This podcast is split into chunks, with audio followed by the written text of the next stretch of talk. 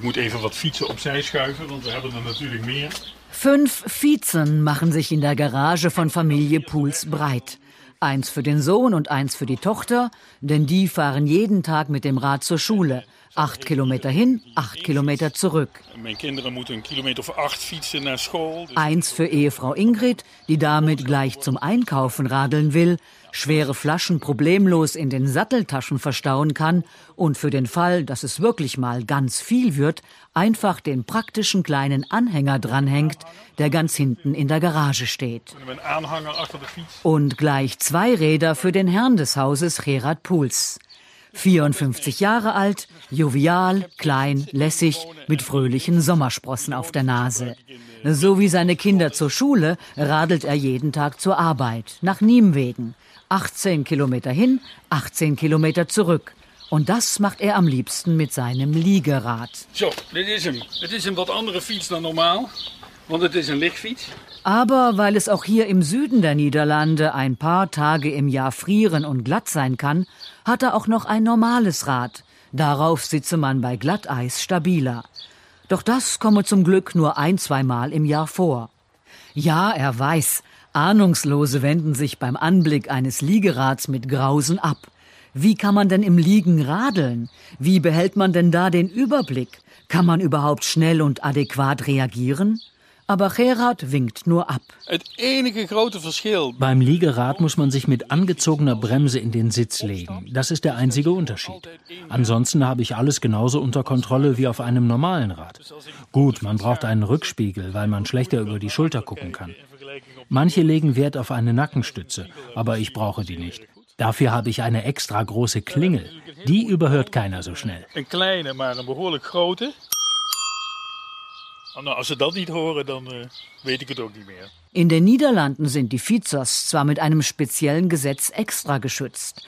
Bei Unfällen mit Radlern ist immer automatisch der Autofahrer schuld. Aber das helfe dem Radler ja wenig. Er bleibe der Schwächere und ziehe immer den Kürzeren. Als fietser moet je sowieso altijd, zeg maar, proactief rijden. Vorausschauend fahren, darauf kommt es an, betont Gerard, als er durch den Garten zum Wohnhaus läuft. Das Liegerad bleibt abfahrbereit vor der Garage stehen. Zin in een kopje koffie? Gleich muss er sich umziehen und zur Arbeit, aber für eine schnelle Tasse Kaffee ist noch Zeit. Der aufgeweckte Niederländer arbeitet als Aktivitätenbegleiter bei einer Organisation für psychisch Behinderte. Dat is mijn vrouw. Maar toen we hier kwamen wonen, Als wir vor elf Jahren hier einzogen, habe ich beschlossen, die 18 Kilometer zur Arbeit zu radeln. Damit schlage ich so viele Fliegen mit einer Klappe. Ich habe jeden Tag meine Portion Sport und muss mich dazu abends nicht mehr aufraffen. Ich rieche und spüre die Natur. Abends beim Heimradeln kann ich meinen Kopf frei machen. Und gut für die Umwelt ist es auch noch. dat is de reden waarom ik op de fiets ga. 40 Minuten braucht Gerard Puls für die 18 Kilometer und radelt dabei fröhlich an so manchem Stau vorbei. Mit dem Auto bräuchte er mindestens genauso lange, wenn nicht länger, auch wenn er verschwitzt ankommt und sich erst waschen und umziehen muss. Aber dafür spart er sich die Parkplatzsuche. Ich ziehe immer meine Klick-Rennradschuhe an und Sportkleidung, eine Kappe gegen die Sonne und eine Brille gegen die Fliegen. En een bril op tegen de vliegjes en dat is het. Und was ist mit den praktischen Regenanzügen, in denen sich die Niederländer bei schlechtem Wetter aufs Rad setzen? Hat er selbst auch so ein Exemplar? Nee, ik heb in ieder geval geen regenbroek. Einen Regenanzug besitze ich nicht, jedenfalls keine Regenhose. Eine Jacke schon, aber die habe ich eigentlich nicht nötig, denn es regnet fast nie. Maar ja, ik heb hem bijna nooit nodig, want het regent bijna nooit. Wie bitte? In dieser Region Europas?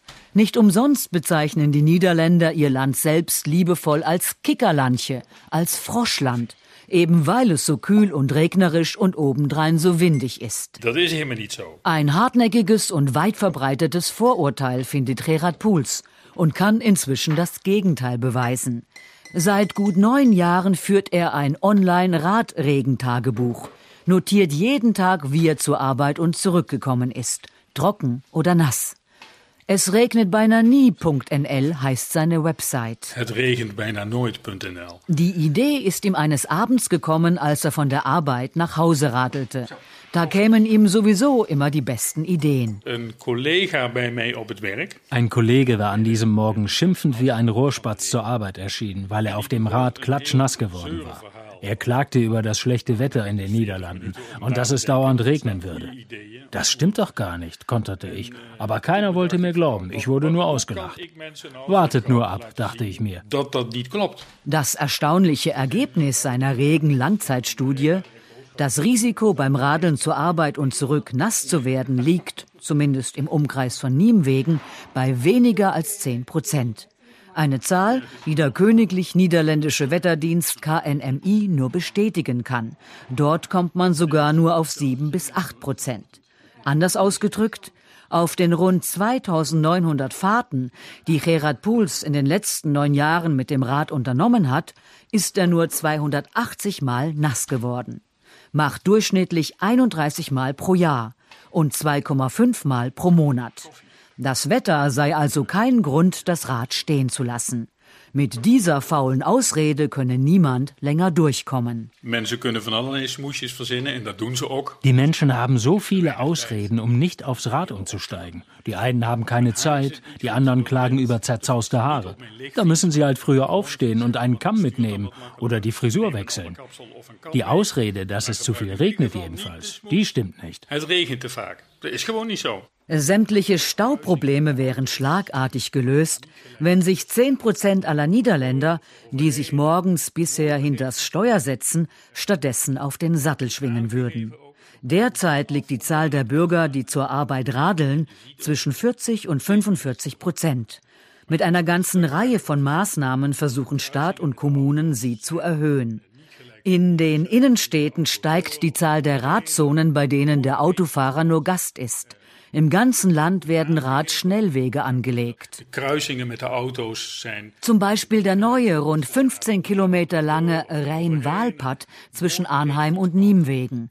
Schnurgerade und fast ohne Zwischenstopps führt er zum Ziel. Über Brücken und durch Tunnel schwärmt Gerard, bevor er kurz nach oben verschwindet, um sich umzuziehen. Die Arbeit ruft. Dat is fantastisch. Ganz zu schweigen von fiskalen Anreizen. Viele Unternehmen bezuschussen ihre Arbeitnehmer, wenn die sich für den Weg zur Arbeit ein Fiets anschaffen.